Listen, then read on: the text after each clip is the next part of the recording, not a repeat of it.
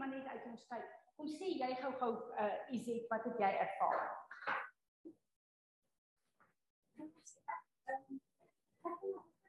Kyk, hulle aansluit weer. Ja. Weet jy ek ek is so. Want ek het ehm um, ek dink jy op my nek gaan. My naam is nie. Niemand Ja, sien my ja. raak nie. Ja. En en weet jy ek het ehm um, op nooit 'n profesie. Nooit. Nooit.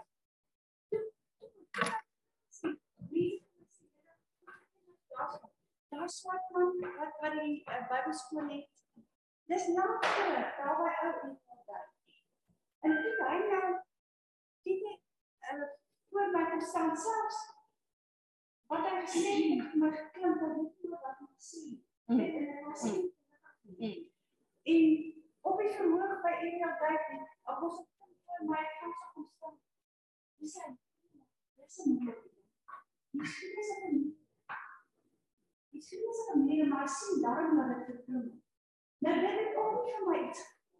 Ja. Hulle het my nie van hulle het Eenheid Dijk, hulle het kampies aan voor ook ja, dit is ek. Man, daar was niks verder. nie. Ek kom nie. En so het ek nou maar gegaan en weet jy elke keer as iemand Here en nie vir my nie. En twee weke terug gedoen met my bloedlyn. Dis sê ek jou ek gaan nou met jou kom praat hieroor. En ek kom by Fransie uit nie, want ek is weer nie te- tevrede nie. Ek voel on onvervuld onvergenoeg. Uh want ek voel my Sy sê doen my nou om lekker is te sien. Jy moet nie doen. En weet jy wat? Ek het hom maar gehad en dit hang nog steeds. En ek het altyd gevoel die spiritualiteit in my my se blok was. En ek wat is dit? En nou wil ek vir julle sê, ek weet nie of dit nou Jana is of wat is. Ewe skielik. Ewe skielik begin ek weer nou wil ek opstaan. Nou wil ek dit, nou wil ek dat doen. Nou sien ek kans vir daai probleem. En nou staan iemand wat net vas. Ek is agter met die tomaties vasmaak. Jy weet, dit nie mag goed, dis belaglik, maar ek voel my in my gees. Dit het ietsie lekker gemaak en ek staan hier gesê- nou by my. Ek wil sê, dis daai een ding Verseker. Ek. Dis daai goed wat die gees oor haar gebreek het. Maar nou wil ek vir julle sê, Tanya het 'n getuienis daar ge, gegee. Ek dink nie is gerekord nie wat vir my baie kragtig is. Tanya was soos sy sê. Almal het profetiese woord gekry behalwe sy. Die hele tyd. En sy was op 'n punt waar sy vir die Here gesê het, maar is sy nooit belangrik vir die Here? Want almal kry woord, maar sy kry nooit woord nie. En toe sê die Heilige Gees vra, kyk na jou en Jakob in julle huis. As 'n 'n 'n huwelikspaar. Sê jy vir jou seun om vir Jakob te sê om dit te doen en dan sê Jakob vir jou seun, sê vir jou ma dit. Sê sy nee, nooit. Ons sy sê nou die Here sê nou, hoekom dink jy wil ek ander mense gebruik om met jou te praat? Ek praat self met jou. En wat so belangrik is, is dat sy sien nie raak nie want daar is 'n sluier voor haar gesit. Want die vyand wil haar laat voel sy's nie bevoeg nie. Maar sy, die Here het haar gebruik om profetiese aksies te doen. Om goed by Ariel Dyk te skuif, memorials en goed te plaas, 'n oorlosie uh om ons tyd te verklaar uh, uh is in, in lyn met God se tyd.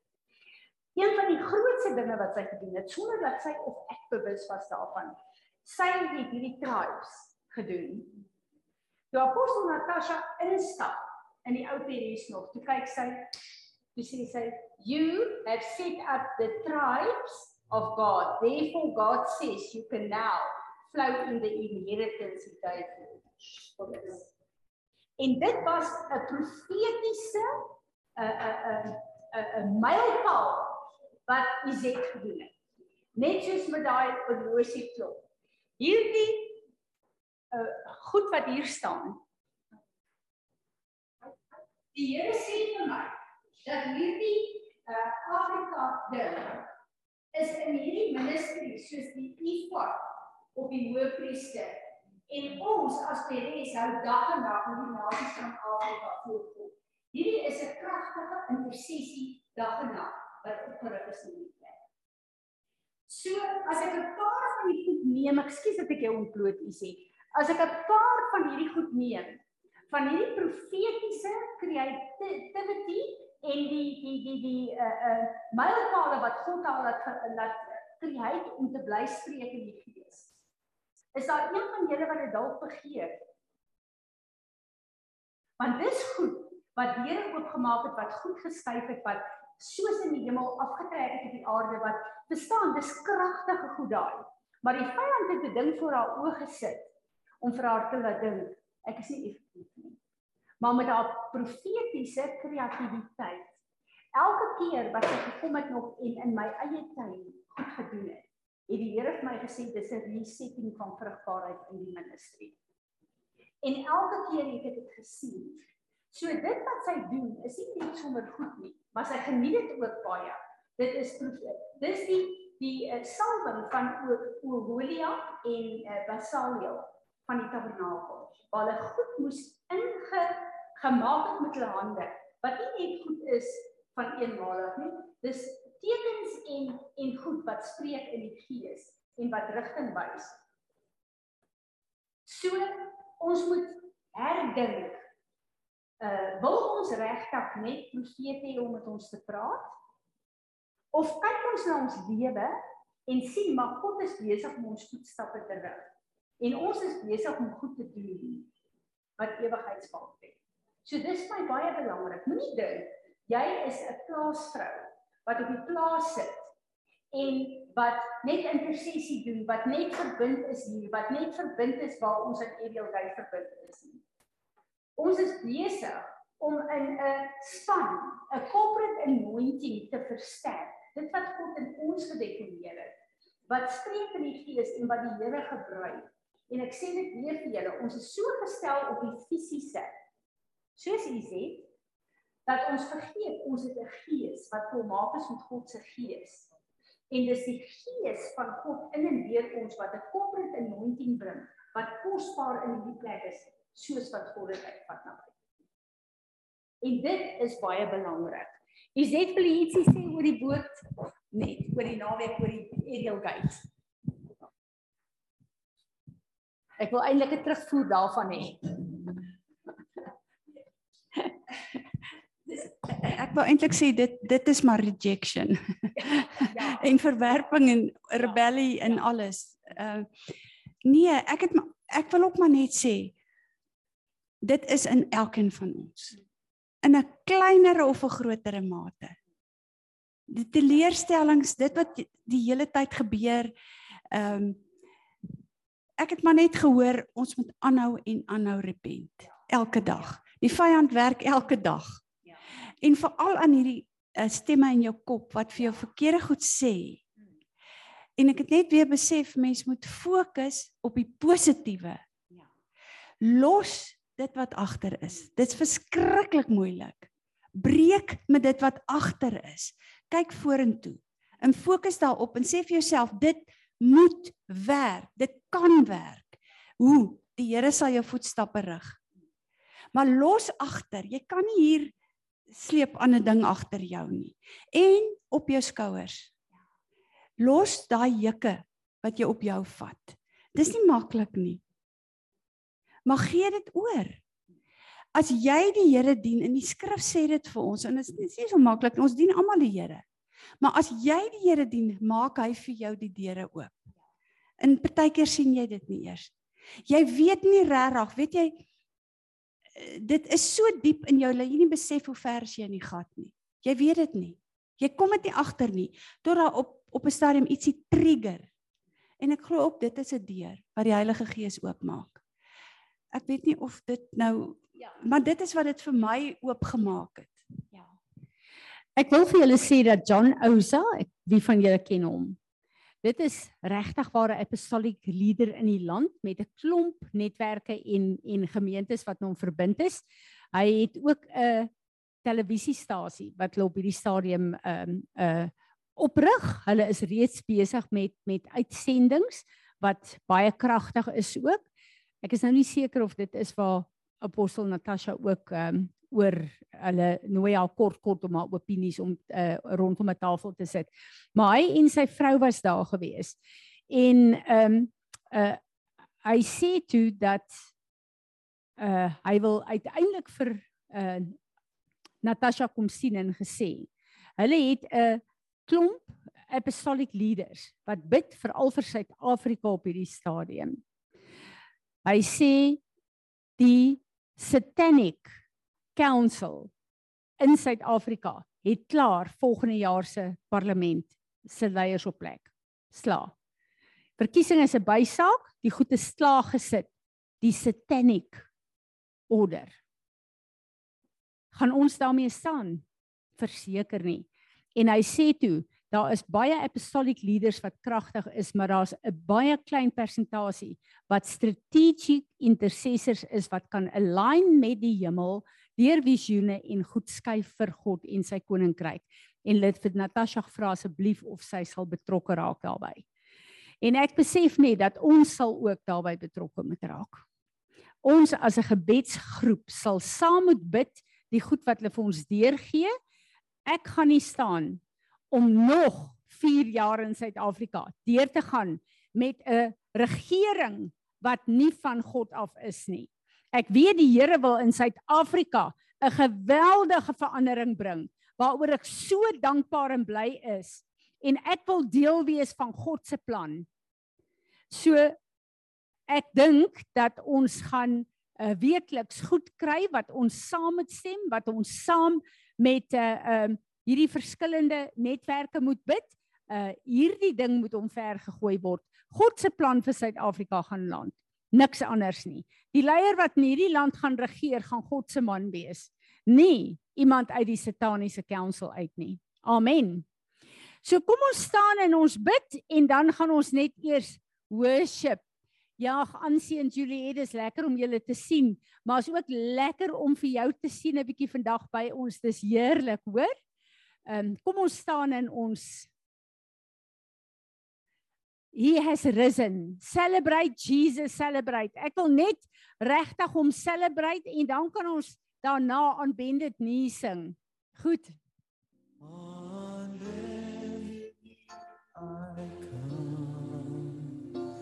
With a humble heart I come, bowing down before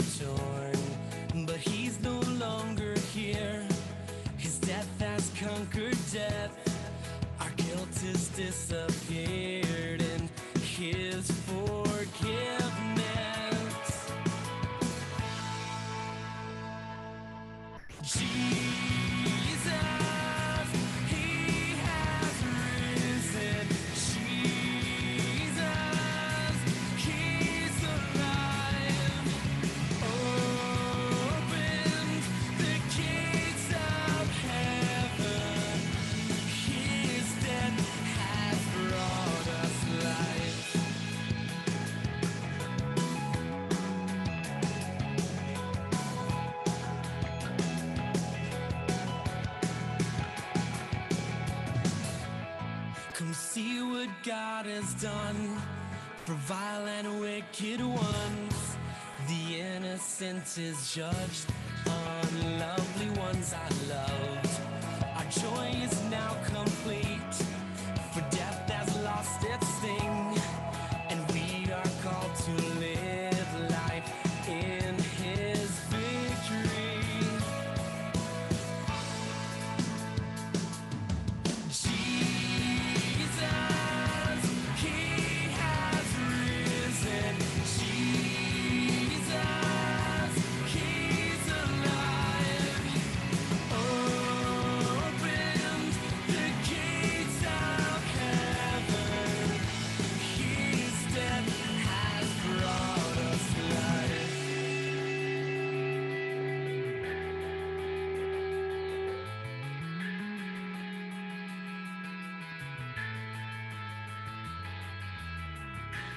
Jesus has done enough.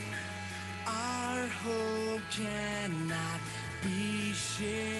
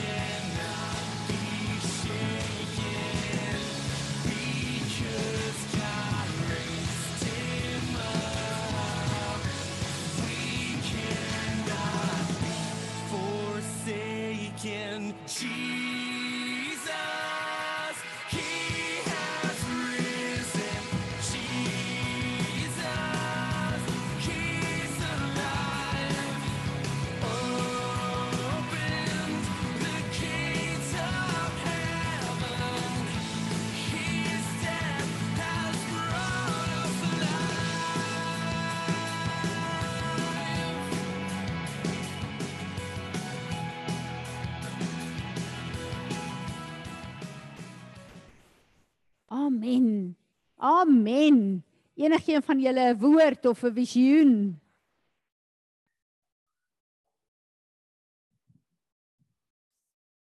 Amen. Amen. Ek sit na Sondag en ek besef maar ek kan nie anders nie. Ek moet die woord van Sondag by Ariel Gate moet ek hier deponeer.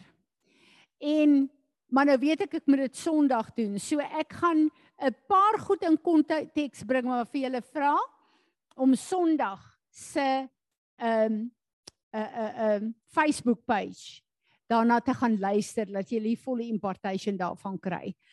Ehm um, ek was so absoluut ehm um, op 'n plek van van reverence maar ook die vrees van die Here toe Hashmat in Oostenryk verlede donderdag aand begin en presies in Genesis waar die Here my vat, die woord begin oopbreek. En soos wat dit aangegaan het die week, hulle het nie verstaan die visioen was ek's nou jammer ek het dit nie neergeskryf nie. Die visioen was ehm um, die hele plek van Adam en Eva in die in die uh paradys met die sondeval uh en God wat uh, Adam wat uh, die mandaat verloor het Maar toe sien Hashmat die bene van Abel wat begrawe is opkom uit die aarde uit en die aarde gee sy bene op. En dit was baie vreemd vir hulle, maar ek het presies geweet wat aangaan want dis die woord wat die Here vir my gegee het. Maar ek besef dat die Here het ook gehad dat ek geweet dat ek 'n bevestiging moet hê van hierdie woord en om vir my 'n groter verstaan te gee en ook 'n boldness om die woord te bring. Ehm um, die woord het begin Genesis 1 vers 28. Waarvoor het God ons geskape? Nie een van ons weet na ehm um, die aarde geskape is en al die goed op plek gesit het is hoe lank dit gevat het? Want onthou 'n dag is 'n 1000 jaar 1000 jaar soos 'n dag vir God. Ons ken die 7 dae van die skepping maar is dit 'n gewone dag dat God alles voltooi het in toe die volgende dag toe hy vir Adam hulle maak hoe lank was die tyd gewees? Nie een van ons weet regtig nie.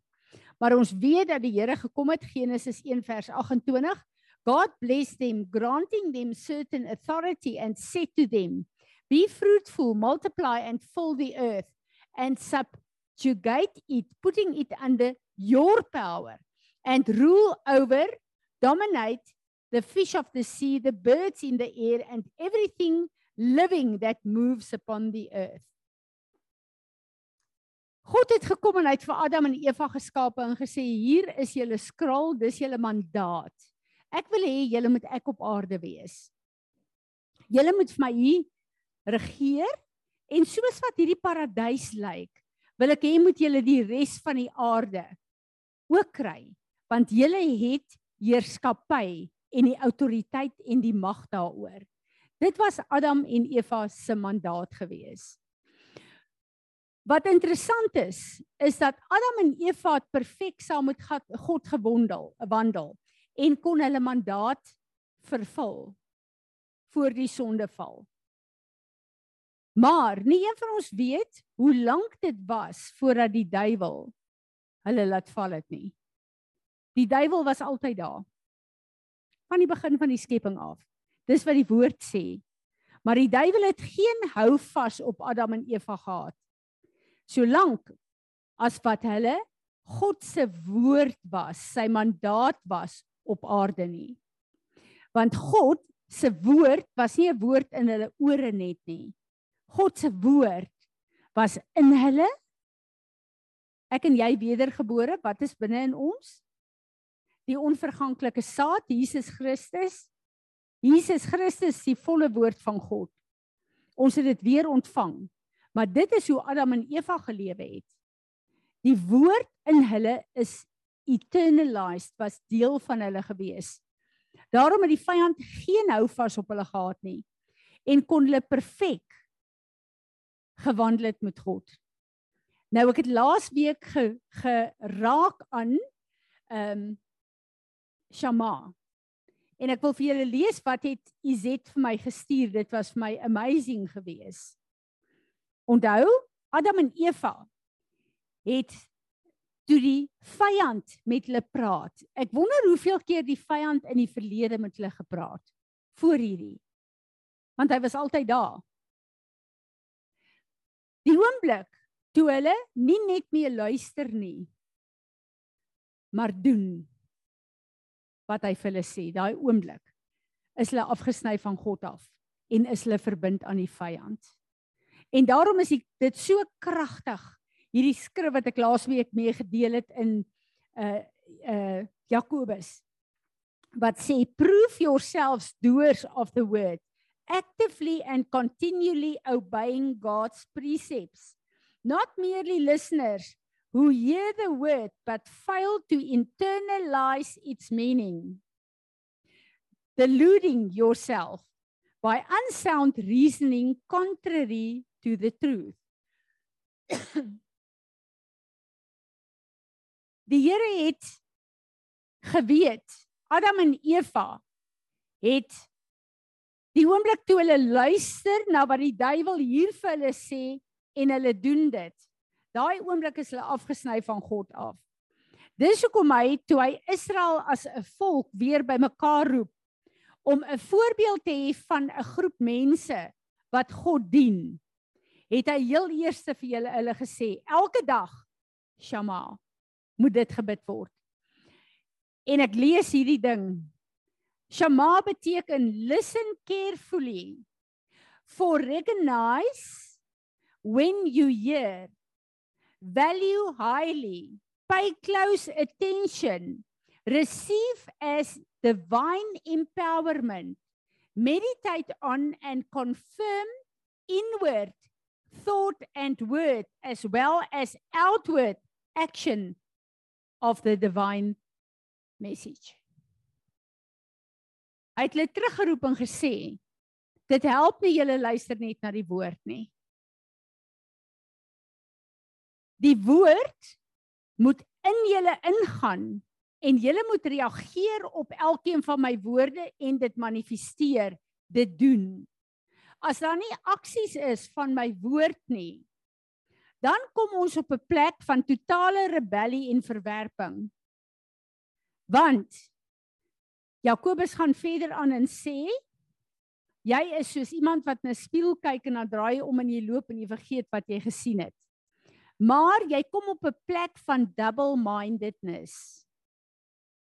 En as jy 'n double-mind person is, daai double-mindedness is verwerping en rebellie. Dan gaan as jy iets doen, gaan dit goed en mooi lyk. Die woord gaan mooi klink deur jou, maar dit gaan op die strand uitbreek soos 'n brander tot niks kom nie.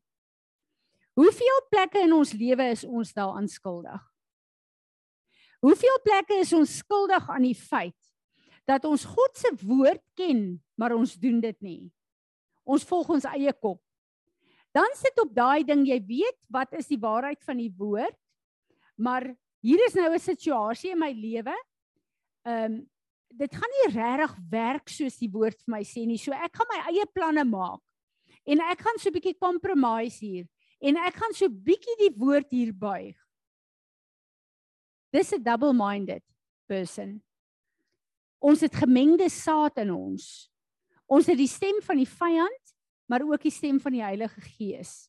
Maar ons bring 'n gemengde ding na vore wat ons gaan pas. En dit is compromise. En ek wil vir julle sê ek is skuldig daaraan.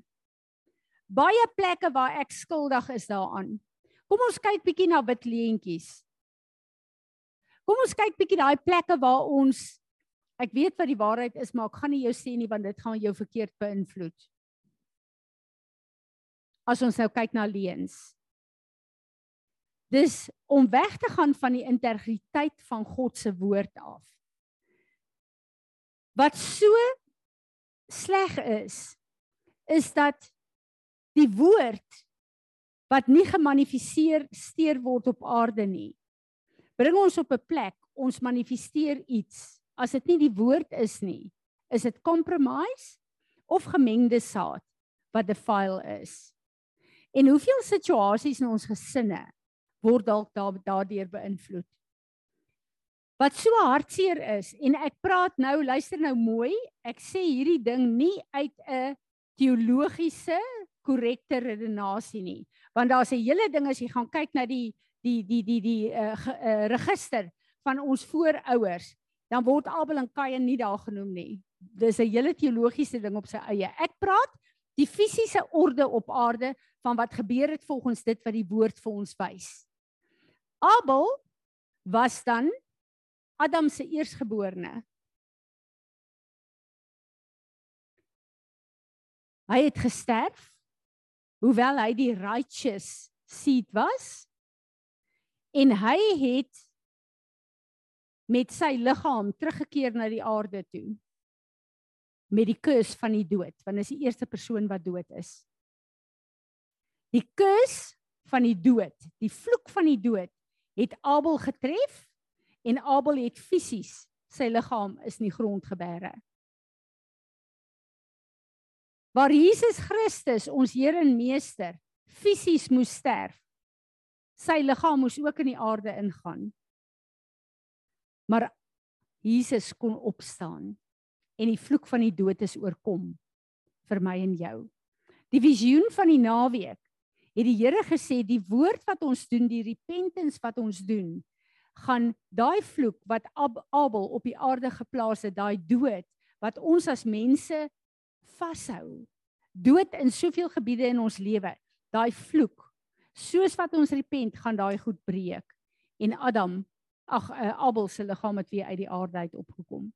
Dit was in 'n visioen en dit het my so diep aangeraak want dit net eenvoudig vir my be laat besef dat die Here is besig om vir ons te wys sekere areas in ons lewe waar ons geprogrammeer is met verkeerde goed.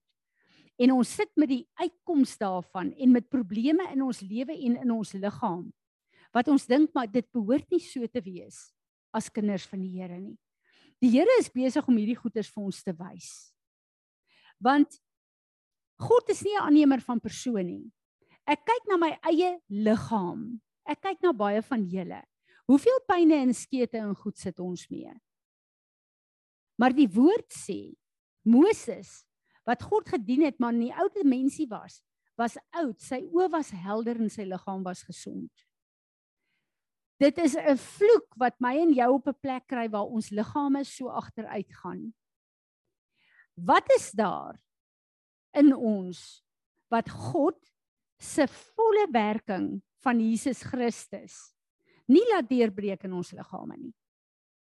En ek besef daar is van die profete wat God op hierdie stadium oprig wat almal dieselfde ding sê en hierdie is die profete na wie ons kan luister is dat die Here is besig om 'n tyd te release in sy liggaam waar daar herlewing gaan wees waar, waar daar goddelike genesings gaan wees, goed wat ons jare lank voorgebid het. Toe ek nou die dag daai videoklip kry van daai klein seentjie 3 jaar oud wat net eenvoudig klein die genesing van Jesus en verklaar dat sy sussie sal gesond word en op daai ouderdom mentale begin bid. Het julle die salwing ervaar? Dit is die tyd wat oopgaan vir waar ons nou ingaan. En ons God se naam gaan herstel word deur die getuienisse van ons lewe. Ek weet dit. Ek vertrou hom daarvoor. Maar die Here praat met my oor geloof.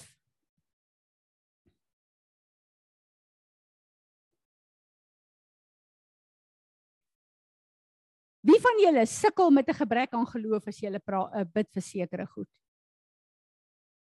Hoekom? Die woord sê as ons in geloof na God toe kom, dan behaag ons hom. Dit is sy hand in werking. Die woord sê Abraham se geloof het hom verklaar as die geregtigheid van God.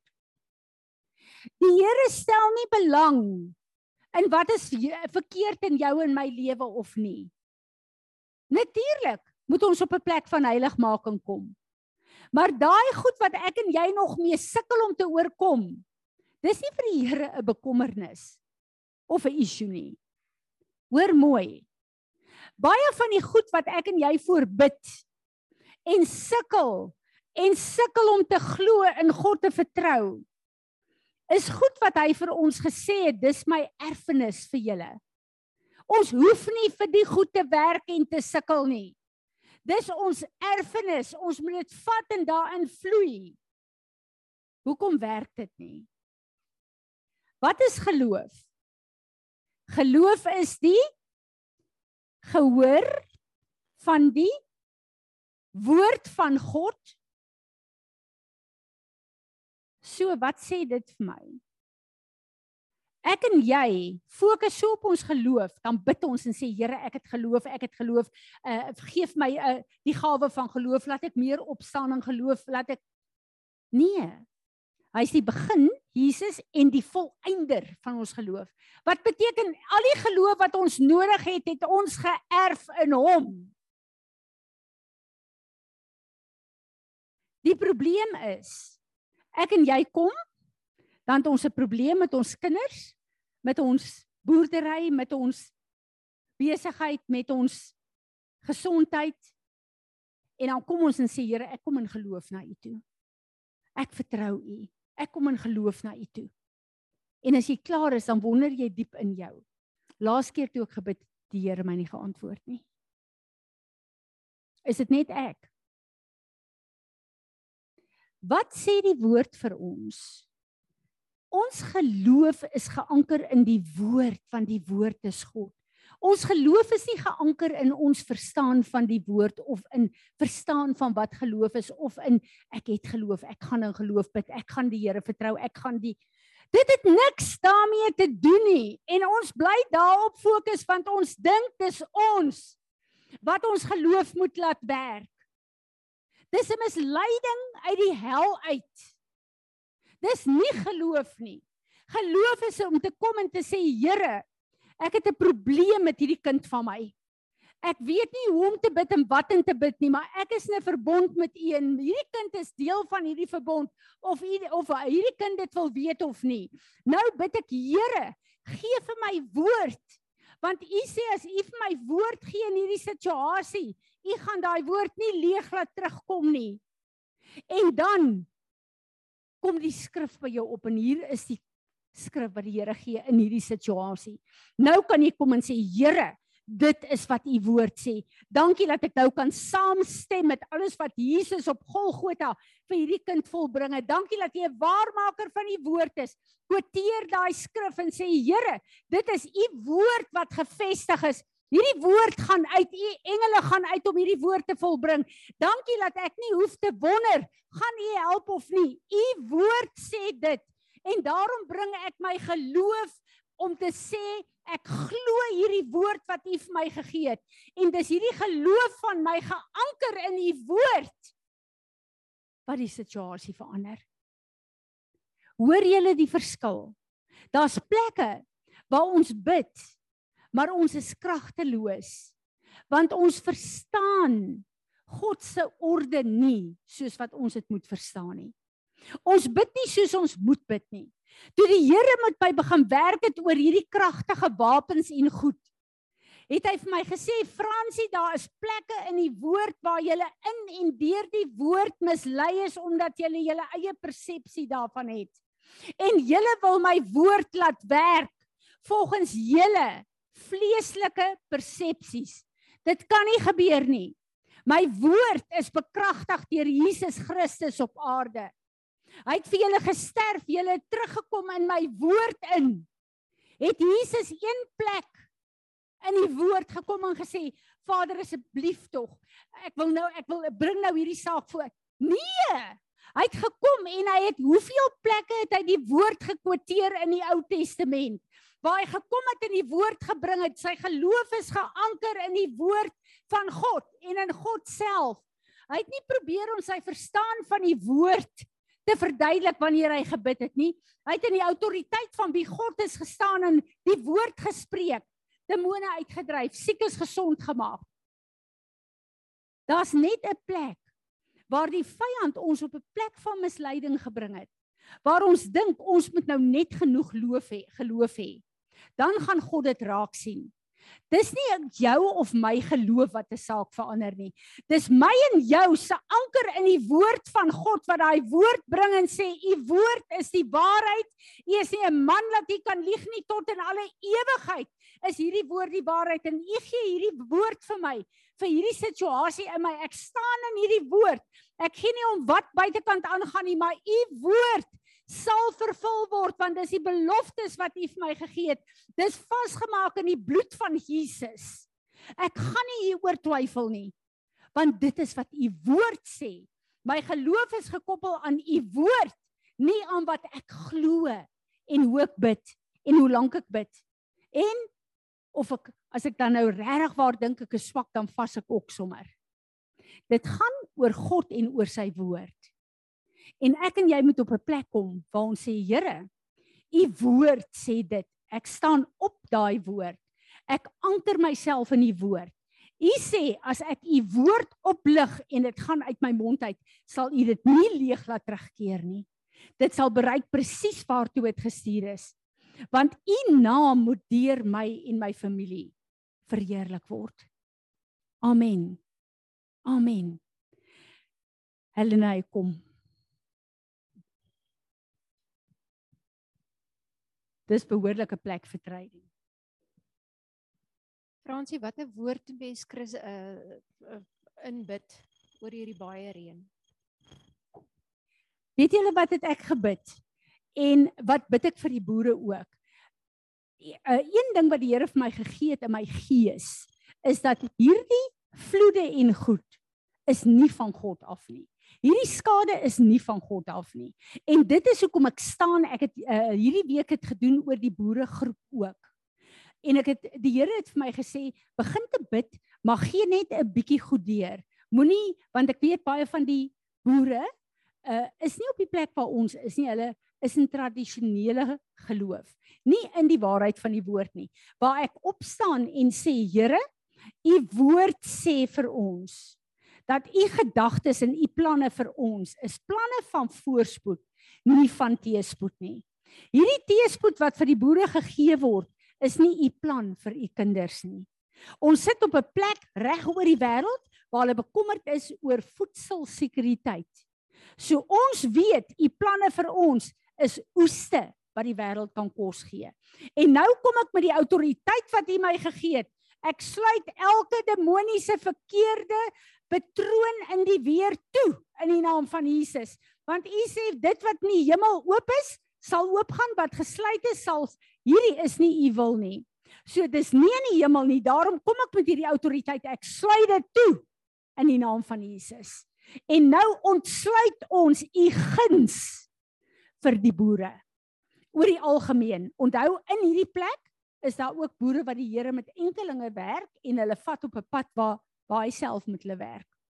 OK.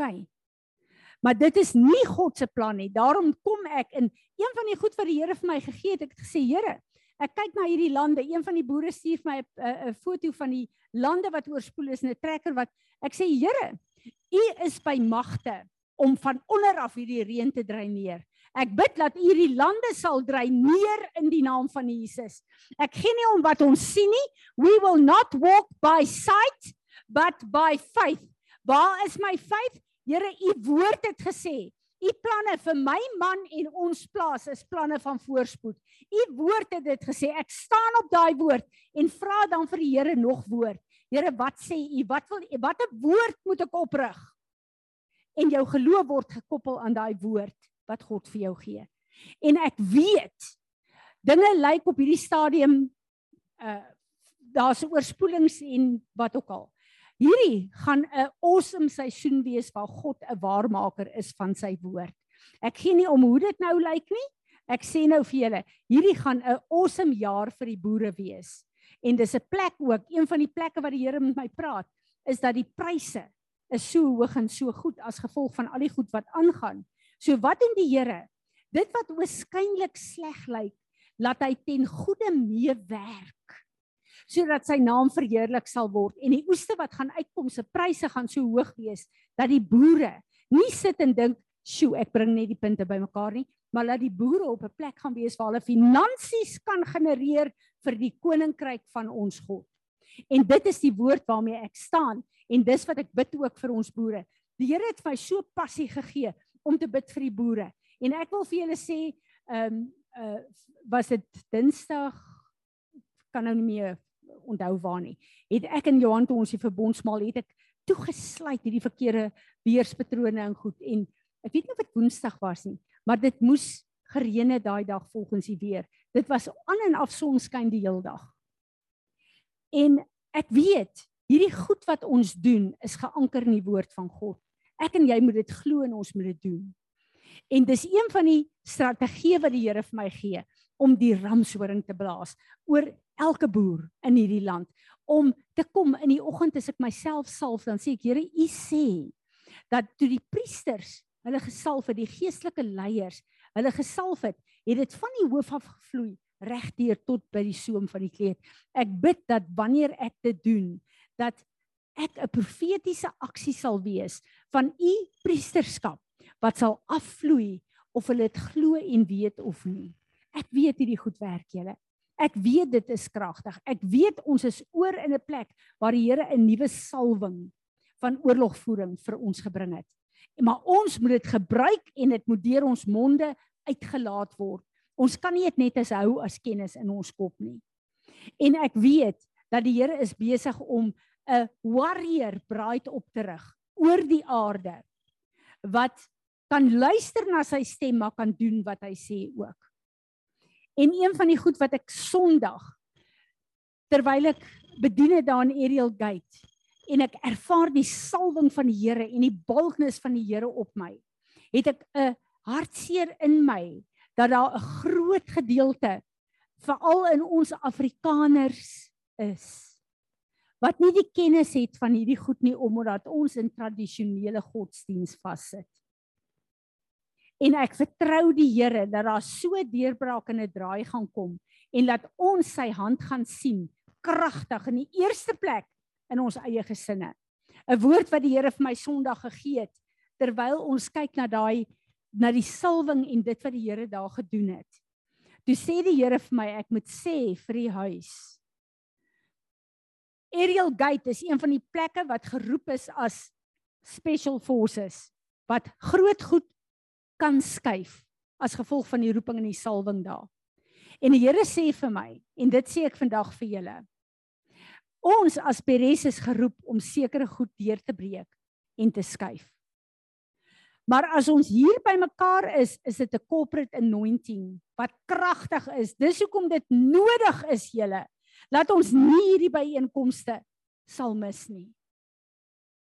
Terwille van dit wat hy doen. Maar as ek en jy nie in die dag by ons huis elke liewe dag bid hierdie tekens gebruik die ramshoring blaas die verbondsmaal doen die elke keer as ek en jy dit doen Die hele geeste mensie kyk en dink, "Sjoe, sy weet presies wie sy is en waar sy geposisioneer is." Jy maak grenslyne vir die vyand, want hy weet, die woord sê hy gaan na jou kyk en sidder en beef oor die God wat in jou is. En wat so amazing is, as ek en jy dit elke dag doen en ons kom hier by mekaar, dan weet die vyand hier's 'n kragtige salwing van ons God. En dan kan ons goed bid en goed skuif. Waar as ek en jy nooit hierdie goed doen nie by die huis nie en ons kom hier by mekaar dan het ons nie daai autoriteit en krag nie. Jy moet elke dag daarin vloei. En as ek en jy dan by mekaar kom en hierdie goed doen, dan kan goed skuif vir ons God. En ek wil vir julle sê, die afgelope 2, 3 weke het ek saam met mense gebid oor sekere goed. Wat die Here so kragtig deurgekom het. Dat wat vir my tekens is om te sê, goed wat lank voorgebid is skielik, is ons op 'n plek waar God begin deurbreek. Waar God goed begin skuif. En ek besef, hy het ons geroep en gesê you are my warrior bride. Maar saam met dit is daar 'n nuwe salwing en 'n autoriteit Nie wat ons meer gekry het nie, maar wat ek en jy nou 'n verstaan van het, want ons het dit geërf en skielik sê ons hierdie goed wat ek gekry het, gebruik ek nou. En dit is die krag van God. Amen. 'n Woord wat jy het.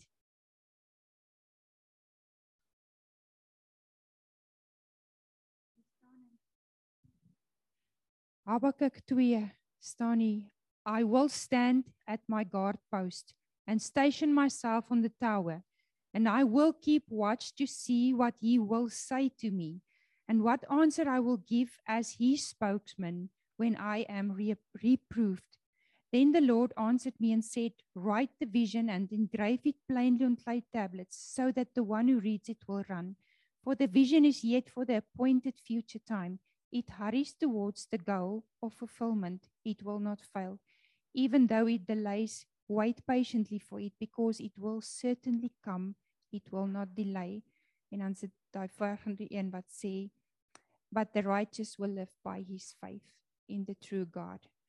Ek verstaan nie mooi hierdie wat die Here sê and I will keep watch to see what he will say to me. Want wat jy sien, hoe gaan jy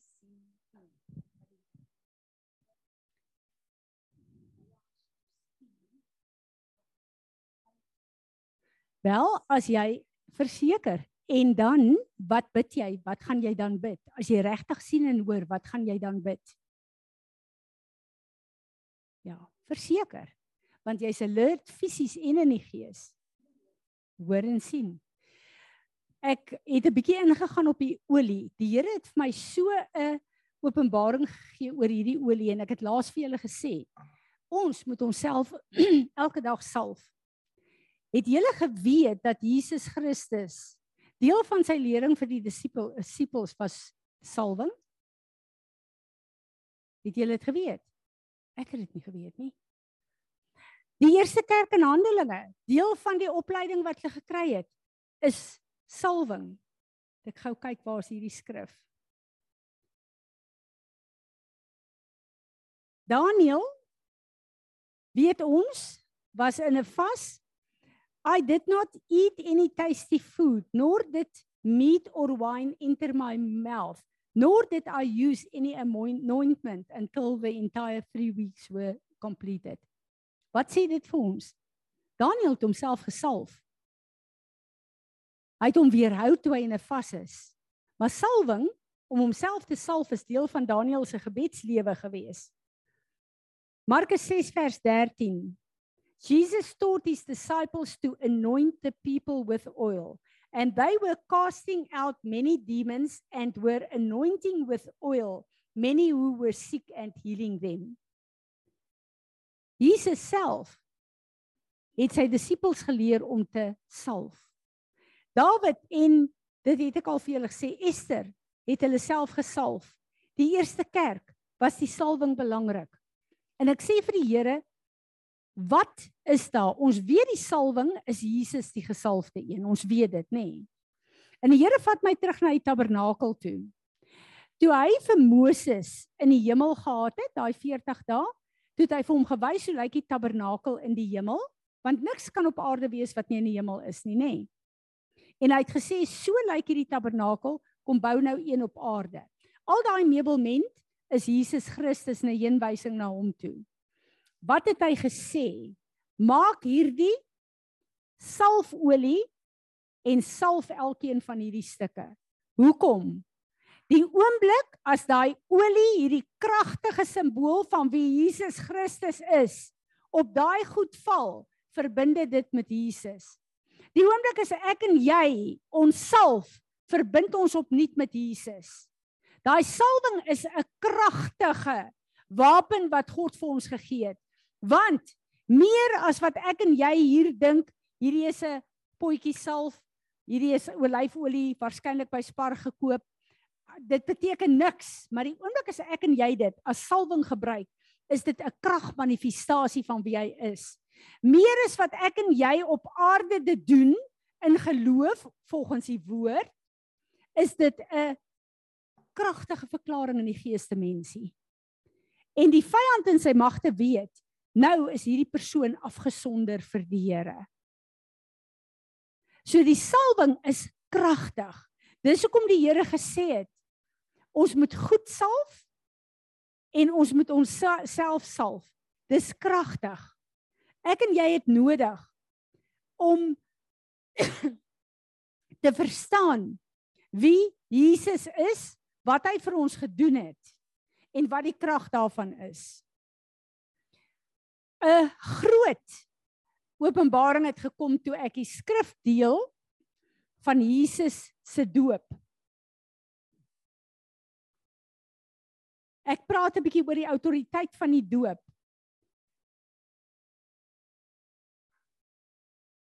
After Jesus, Matteus 3 vers 16, came out of the waters. And behold, the heavens were opened, and he, John, saw the Spirit of God descending as a dove and lightning on him. Besef julle, as ek en jy uit daai doopwater uitkom, dan tref God se stem ons soos weerlig. En ek en jy word die lig van God, die krag van God. Hoe belangrik is die doop net nie? En ek besef daai weerlig, die lig van God wat verbind is aan die ritueel wat hulle gedoen het met die uh uh waar Jesus verklaar het in die fees van tabernakels ek is die lig van die wêreld. Hoekom is hy die lig? Want toe hy opgestaan het daar en verklaar het ek sal God se plan om te sterf en op te staan en vir julle die autoriteit te gee. Daai oomblik het weerlig hom getref. En daai water libation seremonie wat vir ons so belangrik is, daai ding het 'n realiteit geword. So nie net strome van lewende water uit ons uit nie, maar ook die lig van God. Wat nie net 'n klein lanterntjie is nie, maar wat soos weerlig is en wat goed kan oopbreek, wat duisternis kan vernietig. Wanneer ek hierdie goed vir ons sê en uitlees, wil ek vir julle sê daar is 'n nuwe plek wat die Here vir my oopmaak en ek bid dat hy dit gaan deurvloei na elkeen van ons toe. My vraag is hoekom is die kerk en sekere plekke van ons kragteloos? En die Here sê vir my power without authority is illegal. Authority without power is meaningless. Ek en jy moet gekoppel wees aan die krag van God. Nie net aan die woord van God nie. 'n Groot gedeelte van die kerk glo aan Jesus. Ek het dit laasweek ook gesê. En die karakter van Jesus is vir hulle belangrik, die woord is vir hulle belangrik. Maar sy autoriteit weet hulle nie wat dit is of hoe om dit te gebruik nie, want hulle het nie kennis van die woord daarvan nie.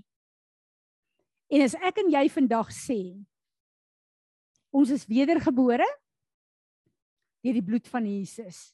Ons het almal wat hier sit deur die doopwater gegaan. Ons het die volle erfenis gekry wat Jesus vir ons nagelaat het. Dan beteken dit mos ons is terug by die plek van die eerste Adam wat moet regeer, dominion moet hê op aarde vir God. Hoekom is die aarde in so gemors? as daar 'n kerk wêreldwyd is wat wedergebore is. Hoekom lyk die aarde soos hy lyk? En ek wil vir julle sê, dis of die Here iets in my gees oopbreek. Wat sê Fransie? Ek rus julle toe dat julle nie net kan verstaan nie, maar kan begin doen wat ek julle geroep het om te doen. En ek kyk na 'n visioen, ek weet nie of ek dit nog hier het nie. Ehm um, wat een van die Oostenryk se ouens wat regtig waar uh, wat die Here gebruik in ehm um, visioene, laat net gou-gou sien. Ja, en ek wil net ook sê daar is mense wat baie keer uh, sê maar Ehm um,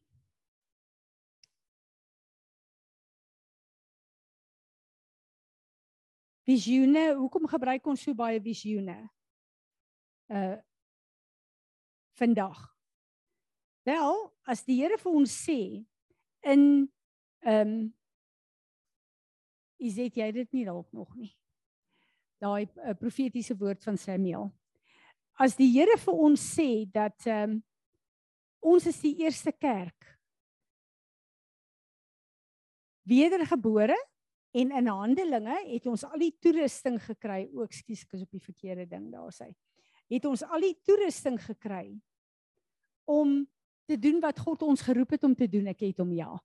Ehm um, dan moet ons besef dat ek en jy het alles gekry vir ons eie lewe, maar ook vir die kerk van Jesus. Um good afternoon apostle. I got a vision and word from God for you and Tanya and Francie. I will try to explain as much as possible through a message. I see formation of you and angels. Please draw on paper for formation for better understanding. First the angel Ariel, God is my flame. Hierdie mense is nie hulle het nou seker ehm um, 4 jaar terug by Ariel Gate aangesluit. Die ou mense van Ariel Gate, onthou julle, op 'n tyd met een van die ko- konferensies het die Here 'n engel vir Ariel Gate release en gesê dis Ari, uh, die engel Ariel. So hierdie man het nie daarvan geweet nie. Um on your uh, after him is you apostle on your left side your left hand is an angel Gabriel God is my strength. On your right side an angel Michael who is like God. Behind you is Tanya. Behind Tanya is Francie. So you all form the shape of the cross. Nou sy die mense laat staan om vir ons te wys dit was 'n perfekte kruis gewees. Um Then I heard Then I heard Apostle Natasha she will cut intellect and wisdom of man. You were in a position where the head is. Tanya will cut off the emotions of people. She's in a position where the heart and the stomach is. Francie, she will give strength to the people. She's in the position where the legs are. When I saw Jesus dressed as high priest with blood on his arm, hands, he took all of you and turned it around and used it as a sword. He started cutting ropes and strings. I see that all the rope strings were connected on one end to one end to the timeline on different parts of timeline and on another part was connected to the neck of the people. They were hanging on those ropes and trying to free themselves, but without success. When Jesus cut their ropes with the sword, what is in his right hand, they will fall into his left hand where their names will be rewritten. So die Here is besig om ons te herposisioneer. En wat vir my amazing is, is dat wanneer ek en jy 'n line op aarde om iets vir die Here te doen soos wat die naweek gebeur het, dan manifesteer ons die kruis op aarde. En Jesus vat daai kruis en hy draai dit om en hy gebruik dit as 'n swaard. So wat ons dan doen en sê wat in sy naam is, gebruik hy om mense vry te maak en om hulle te bekragtig. En vir my is dit so belangrik, dit is vir my so uh awesome dat ek dat ons op 'n plek is waar die Here sê ek is besig om julle te herposisioneer. Enigeen wat 'n woord het. Ek wil hê ons moet staan. En vir my is dit so belangrik toe Jesus gekom het is sy heel eerste woorde repent. Dis ons opdrag. Repent. Want daar's 'n koninkryk wat gesteel is en verlore gegaan het wat weer moet opstaan en weer begin so Vader ons kom hier en ons wil kom repent Vader elke plek waar ons u woord verstaan waar ons dit ken maar waar ons dit nie doen nie Ons wil kom vergifnis vra Vader elke plek waar ons dink ons kan geloof opwek deur dit wat ons dink, ons persepsies, dit wat ons beplan, ons eie strategieë. Vergewe ons dat ons geloof in ons geloof gehad het en nie geloof in u woord wat ons anker in die krag van die lewende God en die opgestane Jesus Christus nie. Vergewe ons in hierdie dag. Kom ons bid 'n bietjie in tale. Koroshoto koraka kariki setre sibre shoto koraka kariki karasita karaka kariki setre sibre shoto koraka kariki karasita karaka kariki setre sibre shoto koraka kariki karasita karaka kariki setre sibre shoto koraka kariki koroshoto koraka kariki setre sibre shoto koraka kariki karasita karaka kariki setre sibre shoto koraka kariki Vader ons bid vir 'n nuwe vars salwing en 'n resetting en 'n herposisionering in ons eie lewe maar ook in hierdie weermag. En ons wil vir u sê Vader ons is gereed om te begin doen wat u ons geroep het om te doen. Ek bid dat u naam verheerlik sal word deur die krag manifestasie van u autoriteit in ons eie lewens maar ook in u koninkryk. Ek bid dat u verheerlik sal word. Here Jesus. Niemand kan u plek inneem nie. Maar u het ons geroep om u te verteenwoordig op hierdie aarde. Bekragtig ons en salf ons tot die eer van ons Vader. En ons sê almal saam: Amen. Amen. Amen.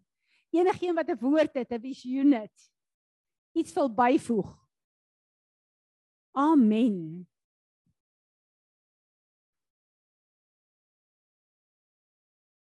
Weet julle dit is 'n baie baie interessante hierdie eh, ding hierdie. Hulle nee, jy gaan nou begin. As jy worship, hou jou olie in jou ding.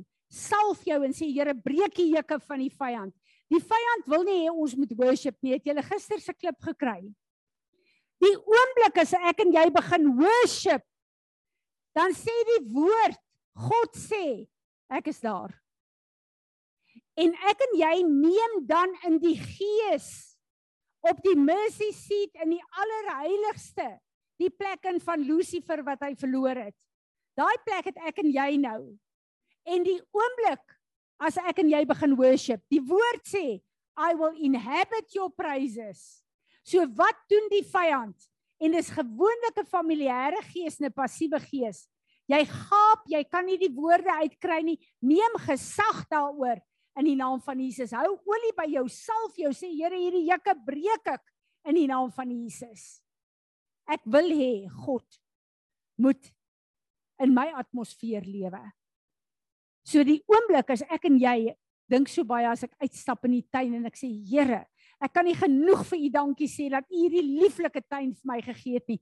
Kyk net hierdie bome, kyk net die kleure, kyk net hierdie nuwe blomme, kyk net die voeltjies, hoor net, Here, Ek loof en ek prys en ek aanbid U saam met die skepping. God is daar by my. Ek en jy moet leer om 'n lewe van lofprysing te hê. Julle een van die wonderlikste plekke, ek weet nie hoekom dit so is nie. Ek dink dis oor dit stilte is en ek alleen is, dis 'n alleen spys, is op die toilet. Dis vir my so lekker om die Here te loof en te prys en te aanbid. En dan met my tong en my kies kan ek ook sê baie keer sê Here, dankie dat soos ons ouer word, sukkel ons liggame met sekere goed, maar dankie dat ek weet dat u salwing al die juke van die vyand op my liggaam ook breek.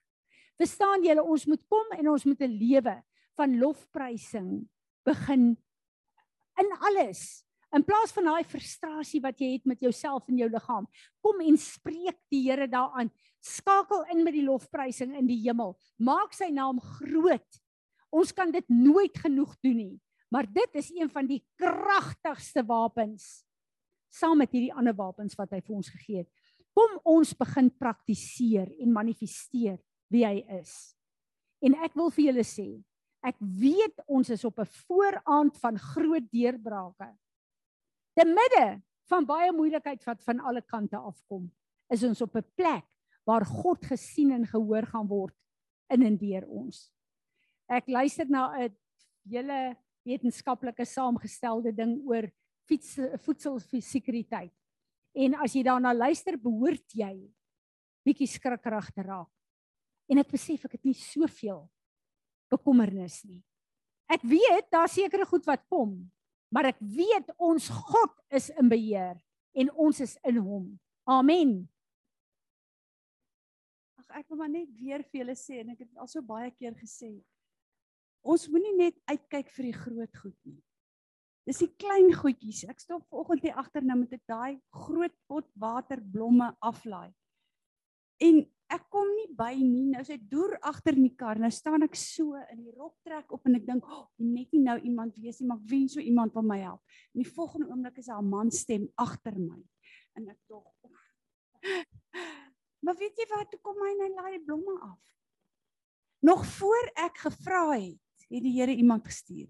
Dit beskou ek as praktiese tekens van die Here wat by jou is.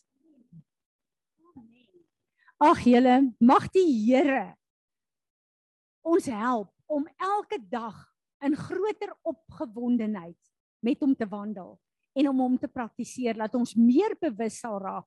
Maar mag die Here highlight en vasmaak hierdie ding van geloof wat hy ver oggend gesê het. Dat ons het geloof, maar waarin is dit geanker? En wat is ons wapen om dit uit te spreek? Dat ons nie geloof in geloof het nie, in ons kennis het nie, maar dat ons geloof het in hierdie God van ons en dat ons sy woord sal begin oplig daarin. Amen.